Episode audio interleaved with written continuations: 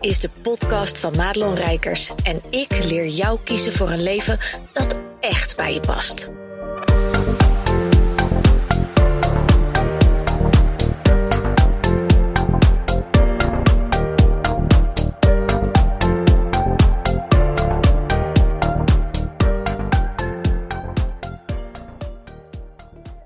Hey, goed dat je luistert naar deze podcast. En deze podcast neem ik altijd natuurlijk wat eerder op dan dat jij hem hoort. En meestal is dat een week, maar zeker rondom de kerstvakantie, et cetera, heb ik natuurlijk ook volgewerkt en dat soort dingen. En ik ben afgelopen maandag pas weer begonnen. Oh, lekker zeg. Ik was er ook wel even aan toe. En ehm, ja, op het moment dat ik deze podcast opneem, heb ik eigenlijk de balans opgemaakt van het jaar. Ben ik vooruit aan het kijken in het nieuwe jaar. En ben ik tegen een aantal dingen aangelopen. En die ga ik met je delen. Want ik vind het zo belangrijk, en dat hoor ik keer op keer ook weer terug van andere mensen, dat ze dat zo fijn vinden om eens te horen. Dat hebben we natuurlijk hè, afgelopen jaar met No Sales Event ook gedaan. Dat je eens een keer hoort van iemand waar je naar kijkt dat je denkt, oh, en misschien kijk je zo niet naar mij, maar dat vul ik heel even in bij gebrek aan jouw antwoord. Maar dat je naar mensen kijkt en dat je denkt, oh, maar die is zo ver, oh, en dat wil ik ook, en oh, die zal wel nooit, weet je, wat een leven, en ja, maar zij uh, heeft het allemaal voor elkaar, et cetera. Nou, weet je, soms is er gewoon niks minder waar dan dat. En in zo'n week zit ik een beetje waarin ik er weer achter ben gekomen dat een van mijn oude devils, hè, want je hebt natuurlijk de, de gevleugelde uitspraak new level, new devil. Nou, ik kan je verzekeren dat het heel vaak dezelfde fucking devils zijn in een ander jasje. En dat ik dus deze week heel erg ben aangelopen tegen ehm, de groei. Ik heb natuurlijk mijn plannen gemaakt, et cetera. En dat ik weer dat stukje van vroeger, waar ik me blijkbaar dus nog heel erg mee identificeer. Want daar valt of staat dat hele overtuigingssysteem mee. Ik identificeer mij met iets wat me niet dient. En dat is dat, dat oude bijstandskindje uh, die uit een milieu komt waar dit soort uh, bedragen, als we het hebben over jaaromzetten, maar ook wat ik voor mijn coaching vraag. Uh, nou ja, dat, dat, dat is niet normaal. En ik doe even met mijn vingers aanhalingstekens. Zie jij niet, maar ik dacht, ik praat het er even omheen. Dan heb je een beetje voor de beelddenkers een, um, een beeld hoe ik dat bedoel. Maar dat zijn geen normale dingen voor mijn kringen. En het is het dus nog steeds niet. Alleen heb ik een hele omgeving van mensen om me heen verzameld. Hè, mijn, mijn collega-ondernemers. En, en daar zitten echt een aantal diep, diep, diep gekoesterde vriendschappen tussen. Um, en, en wij zijn het met elkaar dus wel eens over wat dan normaal is en wat niet. En ook daar heb je allemaal weer subcategorieën, subgroepen, et cetera. Maar ik kwam er dus achter dat het omzetdoel wat ik voor, voor aankomend jaar dus heb neergezet. Um, ik zat daar naar te kijken en ik zat naar mijn plan te kijken. Van het plan is eigenlijk de strategie van nou, hoe, denk, hoe denk ik daar te gaan komen. En toen keek ik naar en toen dacht ik, dit is helemaal niet zo gek plan. en ik moet er weer om lachen. Uh, omdat ik er zo kwaad om kan worden. Omdat er gelijk iets in mij gebeurde toen ik naar het bedrag keek. Wat er dan aan. Wat ik er zelf aan gehangen heb. Ik bedoel, de omzetpolitie komt dus niet om te zeggen: Oh, maar dat moet iets anders zijn. Ik heb het zelf bedacht. En ik heb het ook bij mijn coach ingebracht. Dat ik, dat ik merkte dat het van alles en nog wat bij mij opriep en zo. En, uh, en die kwakte er dus nog gewoon even bovenop. Want ze zei, oh, dat is mooi. Want dan weet je al dat het, uh, nou, ik zal niet zeggen dubbele, maar, maar er kwam minstens de helft van het totaalbedrag, werd er nog bovenop geknald. Want er zijn altijd onvoorziene dingen. Er zijn altijd mensen die tussentijds willen stoppen of die hun factuur niet betalen, dat soort dingen. En dat je dan wel aan je omzetdoel komt. Um, en ik hoorde haar en ik dacht alleen maar, ja, dit, wat ze zegt snijdt hout. Het is hartstikke haalbaar. Maar iets in mij denkt de hele tijd: ja, maar dit is niet voor mij weggelegd. Dit, dit hoor je om je heen. Hè? Het is, uh, iedereen strooit met tonnen omzet. En je kijkt ernaar dat je denkt: hè, dat, dat, nou, ik, ik wil ook groeien. En dat daar die omzet bij hoort, is inherent. En nou ja, als je me wat langer volgt, dan weet je ook dat ik voor die tonnen mijn bed niet uitkom, maar wel voor die diepe, diepe impact. En die mensen die, die ik mag helpen te gaan staan voor wie ze zijn en op hun beurt hun werk goed kunnen uitvoeren met hun eigen mensen. Maar dat het om geld gaat, en misschien moet ik hier wel gewoon een soort van stichtingsvorm van maken, dat ik echt zo ongelooflijk vrij kan geven. En dat ik dus door, door die, die overtuigingen niet gehinderd word. Maar weet je, als ik dat doe, uh, dat kan wel. Maar dan mis ik mijn eigen groei. En, en dat is ook een beetje waar het over gaat. Hè? Want er zullen best wel veel mensen zijn die denken: ja, maar je lult altijd over geld. Hè? Van het is allemaal niet belangrijk. Maar je doet het ook niet gratis. Integendeel. Um, maar dit is zo de persoonlijke shizzle die je keer op keer mag aankijken. En ik dacht, ik ga het eens voor je opnemen, met je delen, hoe dat eruit ziet bij mij. En dat je ehm, deze podcast mag luisteren en mag denken, oh, wat lekker zeg. Terwijl ik gewoon even, gewoon even ervan af ligt. Dat ze ook gewoon even denkt, Jezus. Uh, want het is belangrijk, weet je. Je moet niet de illusie hebben dat mensen die verder zijn dan jij, die het allemaal voor elkaar lijken te hebben, dat die nooit problemen hebben. Want het is een utopie als je nu denkt, uh, als ik dit opruim, hè, alle interne shizzle, of als je door iets moeilijks gaat, dan ben ik klaar. Maar je bent nooit klaar. En misschien ben je nu wel een beetje gedesillusioneerd hoor, dat kan. Maar tegelijkertijd is het zo je menselijke en vooral spirituele groei die je nodig hebt om ja, wat mij betreft, je, je levensmissie, je zielsmissie of whatever je purpose te vervullen. en dat is wat mij echt door de dag heen krijgt. En ik heb vandaag echt een dag, nou mag je best weten, dat ik denk: geef mij een dekentje, laat me alsjeblieft met rust. Ik ben moe, ik ben uh, er even klaar mee. Ik wil niet meer nadenken. Ik wil ook gewoon even niet meer spiritueel groeien. Want ik ben zo gegroeid. Ik ben moe, man.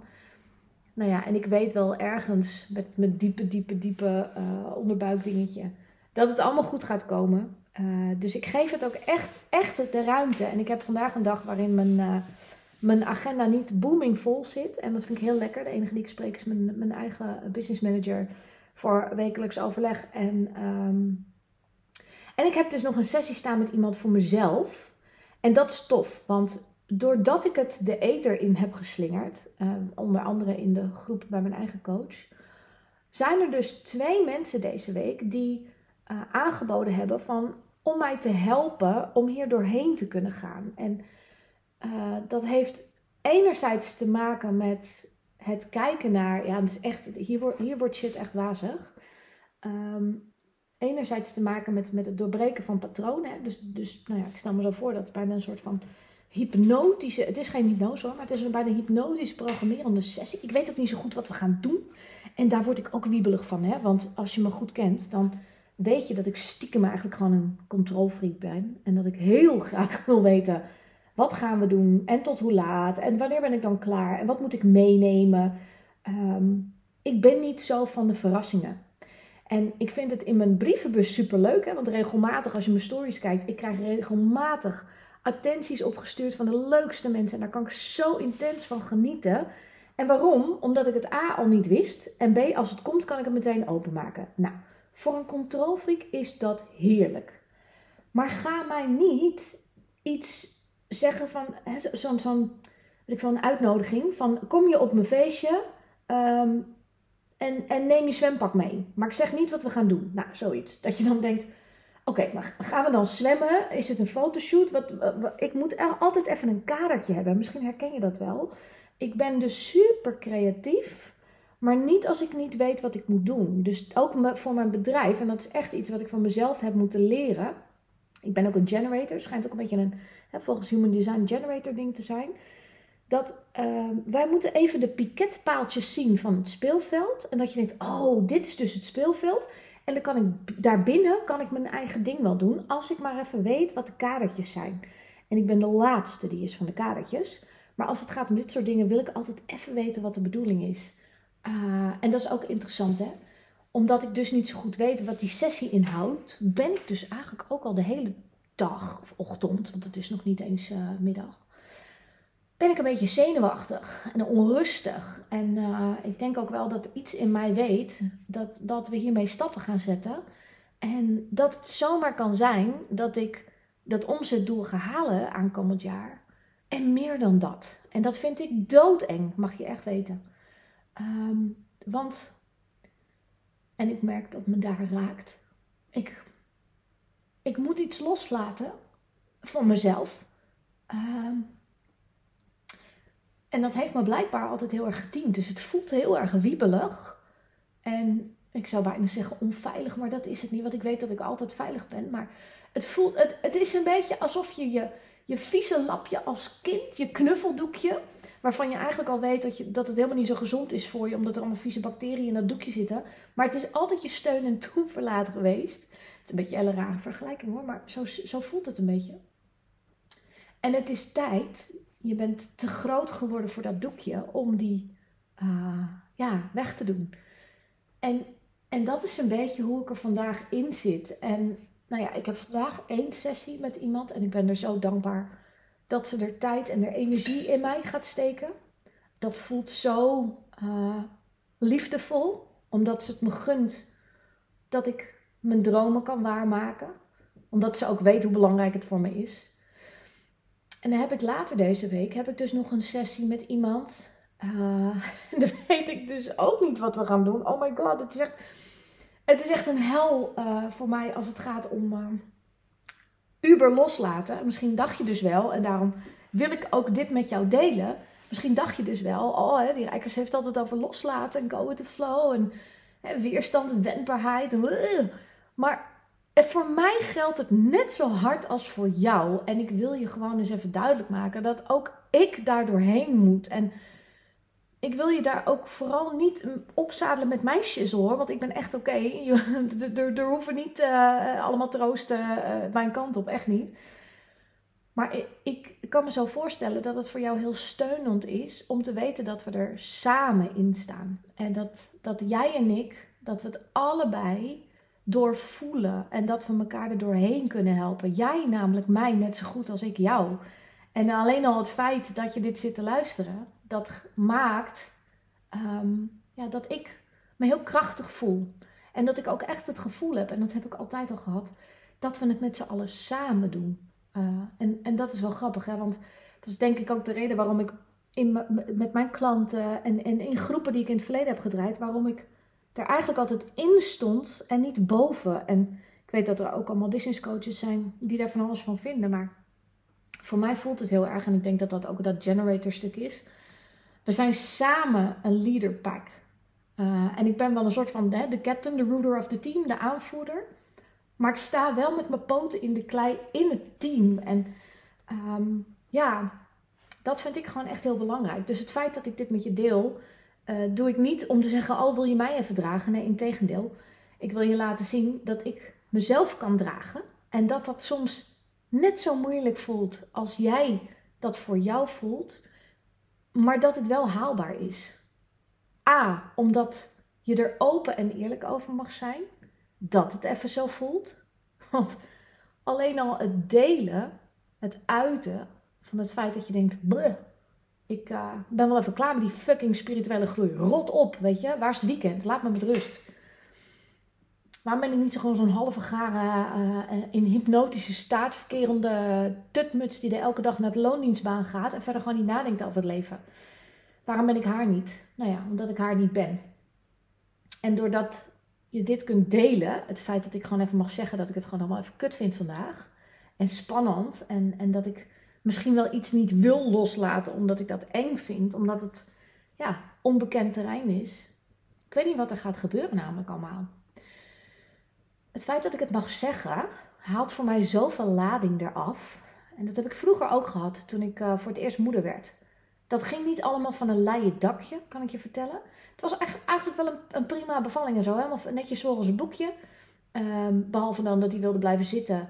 Uh, dus, dus dat moest even opgewekt worden. Ik heb serieus waar, want ik was tussen kerst en oud en nieuw in 2010 uitgerekend. En meneer is op 6 januari geboren. Ik heb echt tussen kerst en oud en nieuw, destijds nog die echte oude Serious Request heb ik met uh, uh, Martin Solveig of zo. Ik weet niet eens meer hoe dat. Nou ja, Hello heette dat nummer al. En daar ging iedereen springen. En ik ging dus met mijn dikke togen thuis ook een soort van springen in de hoop dat die gozer toch eindelijk eens aanstalten maakte om, om, om het pand te verlaten. Nou, Goed, lang verhaal kort. Toen hij er eenmaal was, um, ik heb toen ook bekkeninstabiliteit gehad. Dus ik heb, ik heb een zwangerschap gehad die wel, die ik eigenlijk op mijn zijkant op de bank heb doorgebracht voor het merendeel. En toen hij er was, um, toen huilde hij eigenlijk alleen maar. En uh, ja, in retrospectief snap ik echt wel waarom hij zo huilde. Maar in die tijd gaf ik hem natuurlijk de schuld, vond ik het een huilbaby en dacht ik dat heb ik weer. Um, maar dat was, dat was echt, echt, echt heel heftig. En ik heb altijd gedacht, als ik de krant opsloeg en, en daar stond over moeders die, die hun kinderen of hun baby, dat ik dacht, hoe kan je, hoe kan je? En ik heb in die tijd, en dat was best wel heel eng, heb ik dus geleerd dat ook, ook ik zo'n krantenkop had kunnen zijn. Want ik kon me ineens zo goed voorstellen dat je als moeder, dat je met het kindje in je handen staat en dat je denkt, weet je, hier is het raam, ga je even lekker buiten kijken.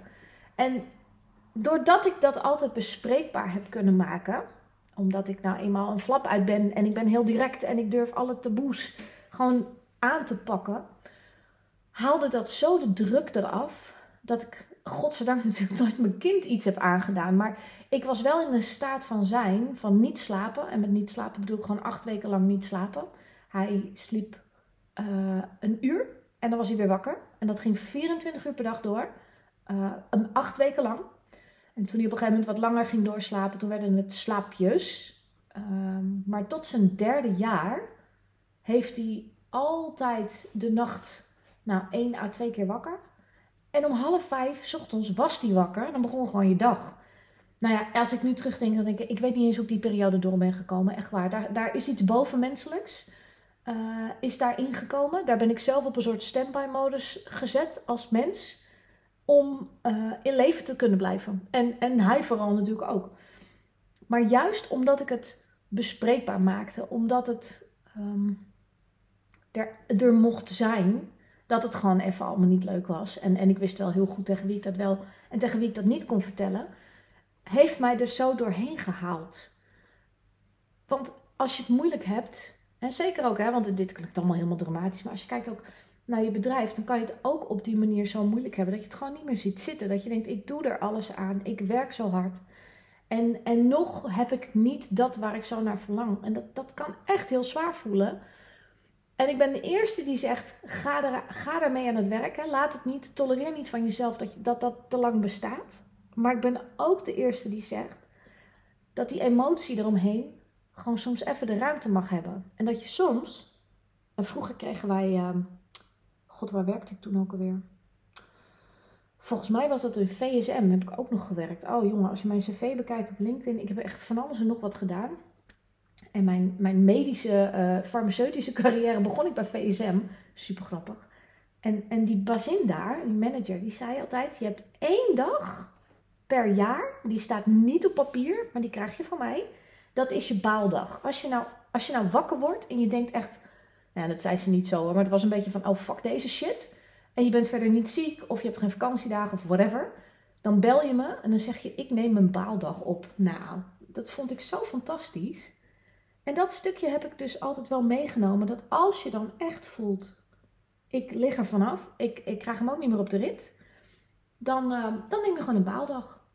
Nou, vandaag is eigenlijk een beetje een soort semi-baaldag. En ook weer niet helemaal, omdat het gewoon, hè, wat ik net al zei, gewoon ook een beetje spannend is. Wat gaat er nou gebeuren? En omdat het nieuwe jaar er is. En uh, als je een beetje de esoterische, astrologische, spirituele vakkers volgt, dan, uh, dan wordt dit ook een, een heel bijzonder jaar. En het is me nog niet helemaal helder hoe positief ze dat nou bedoelen. Um, maar er staan wel heel veel dingen te gebeuren. Ja, en dat is niet zo heel moeilijk voorspellen volgens mij tegenwoordig. Want uh, het gaat nu allemaal zo snel in de wereld dat je denkt: oh my god, waar gaat het heen? Maar het gaat ergens heen, dat geloof ik wel. En um, ja, het is dus aan mij om te zorgen dat ik blijf staan en dat ik goed mijn werk uit kan voeren. En als ik dus, om het verhaaltje weer even naar het begin, waar, waar deze podcast over gaat. Als ik dus aan het einde van dit jaar als je denkt, wat klinkt ze raar? Ik zit ondertussen met mijn, met mijn handen tegen mijn voorhoofd in. Een beetje een soort net alsof ik aan het bidden ben. maar dat, dat zit even lekker met mijn ogen dicht. Dan kan ik me goed concentreren op wat ik wil zeggen. als ik dus volgend of aankomend jaar, einde van het jaar, dat omzetdoel heb gehaald, dan ben ik super stevig blijven staan. En meer dan dat. En als ik het dus vanuit die kant bekijk, dat ik dus blijf staan, dat ik die omzet heb gehaald, dan weet mijn diepe binnenste ziel dat ik zoveel verschil heb mogen maken aankomend jaar in de wereld. Dat dat is waarom ik dus nu hier vandaag enerzijds even mag balen en tegelijkertijd dus ook meteen aan de slag ga om ervoor te zorgen dat die gevoelens en die emoties weer op de juiste plekken terechtkomen. En dat ik daar dus niet in blijf hangen. Of dat ik even niet op zit te letten en dat die kleine devil me weer in mijn billen bijt. Ehm, want ik wil er nu voor eens en voor altijd echt even van af. Ik ben niet meer dat kleine bijstandsmeisje. Ik ben het ook eigenlijk nooit geweest. Uh, want ik ben ik. En het zijn situaties waarin ik heb geleefd, die ik heb meegemaakt, waar ik heel veel van heb geleerd. Want het mooie is, stel je nou dat de wappies allemaal gelijk hebben, hè? stel je nou voor. En, en geld verdwijnt en weet ik veel. En ik kan helemaal nergens meer bij, want ik heb natuurlijk geen code. Um, ja, dan weet ik heel goed hoe ik zonder geld moet leven. En dat zijn dus wel de dingen die ik daaruit meeneem. Maar dat is niet wie ik ben. En vooralsnog, met mijn omzet verdienen, et cetera, ehm, heb ik geen code nodig. Dat scheelt alweer.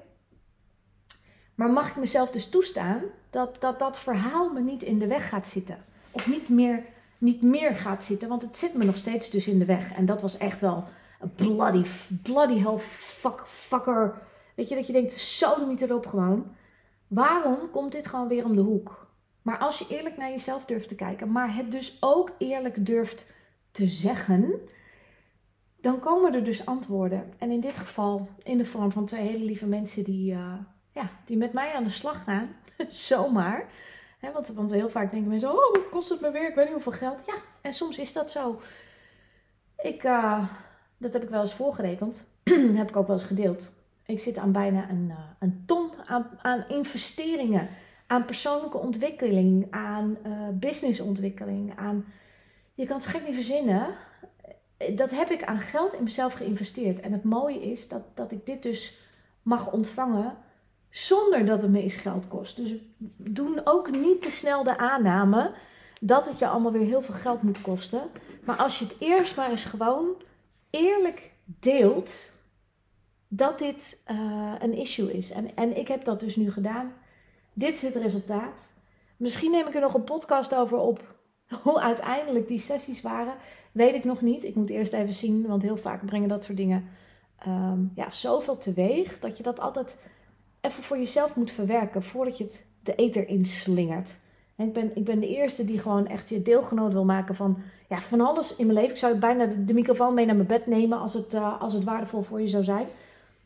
Maar ik denk dat dit even eerst mag landen voordat ik het um, ja, kan gaan uh, verwerken tot een podcast. Dus dit was eigenlijk even de ik neem je even mee uh, podcast in mijn, in mijn drama. Zodat je hopelijk er ook steun kan uithalen. En dat mag je helemaal hoor. Over mijn verdriet en ellende mag jij echt echt even je steun eruit halen. Um, ja, dat ik dat dus ook heb. En dat je daar dus prima mee kunt functioneren als je maar weet wat je moet doen, uh, bij wie je moet zijn. En vooral als je maar weet waar het probleem precies zit. Want als ik zakelijk niet groei en ik ben niet op mijn kivive en ik weet dus niet dat die oude devil in een nieuw jasje de, de show runt, dan ga ik dus allemaal oplossingen zitten zoeken voor het verkeerde probleem. En dat moeten we met z'n allen nou eens gewoon niet. Goed dat je luisterde naar deze podcast. Wil je meer van mij weten? Check dan snel mijn Instagram of kijk op www.maatloonrijkers.nl.